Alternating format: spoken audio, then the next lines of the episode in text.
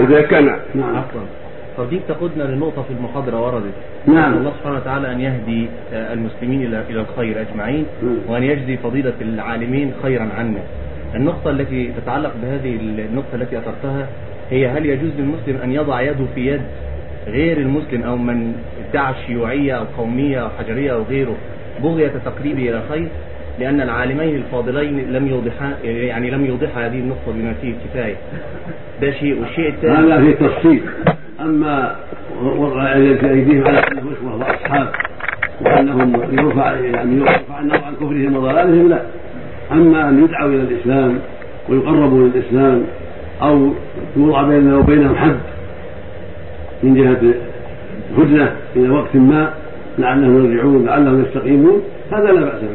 مثل ما عقد النبي حدا بينه وبين كفار قريش هدنة يوم الحديبية على مدة عشر سنين لوضع الحرب. الكافرون على كفرهم والمسلمون على إسلامهم حتى يتمكن المسلمون من اتصال المسلمين ومعرفة القرآن والسنة وحتى يتمكنوا من السفر إلى بلاد الخير ليسمعوا ويستجيبوا للحق. هذا من باب المهادنه وفي العهد حتى يتمكن الناس من الخير وحتى يتمكن أولئك الآخرون من سماع الخير ومن آه، النظر فيه لعلهم يهتدون. أما اتخاذهم اصحاب واتخاذهم ولا لا لا يجوز اتخاذهم اصحاب ولا أولياء. كل كافر ومعنا والشطر الثاني من السؤال عفوا أنا آسف. نعم. واعتصموا بحبل الله جميعا. هل هذه هذا للمسلمين.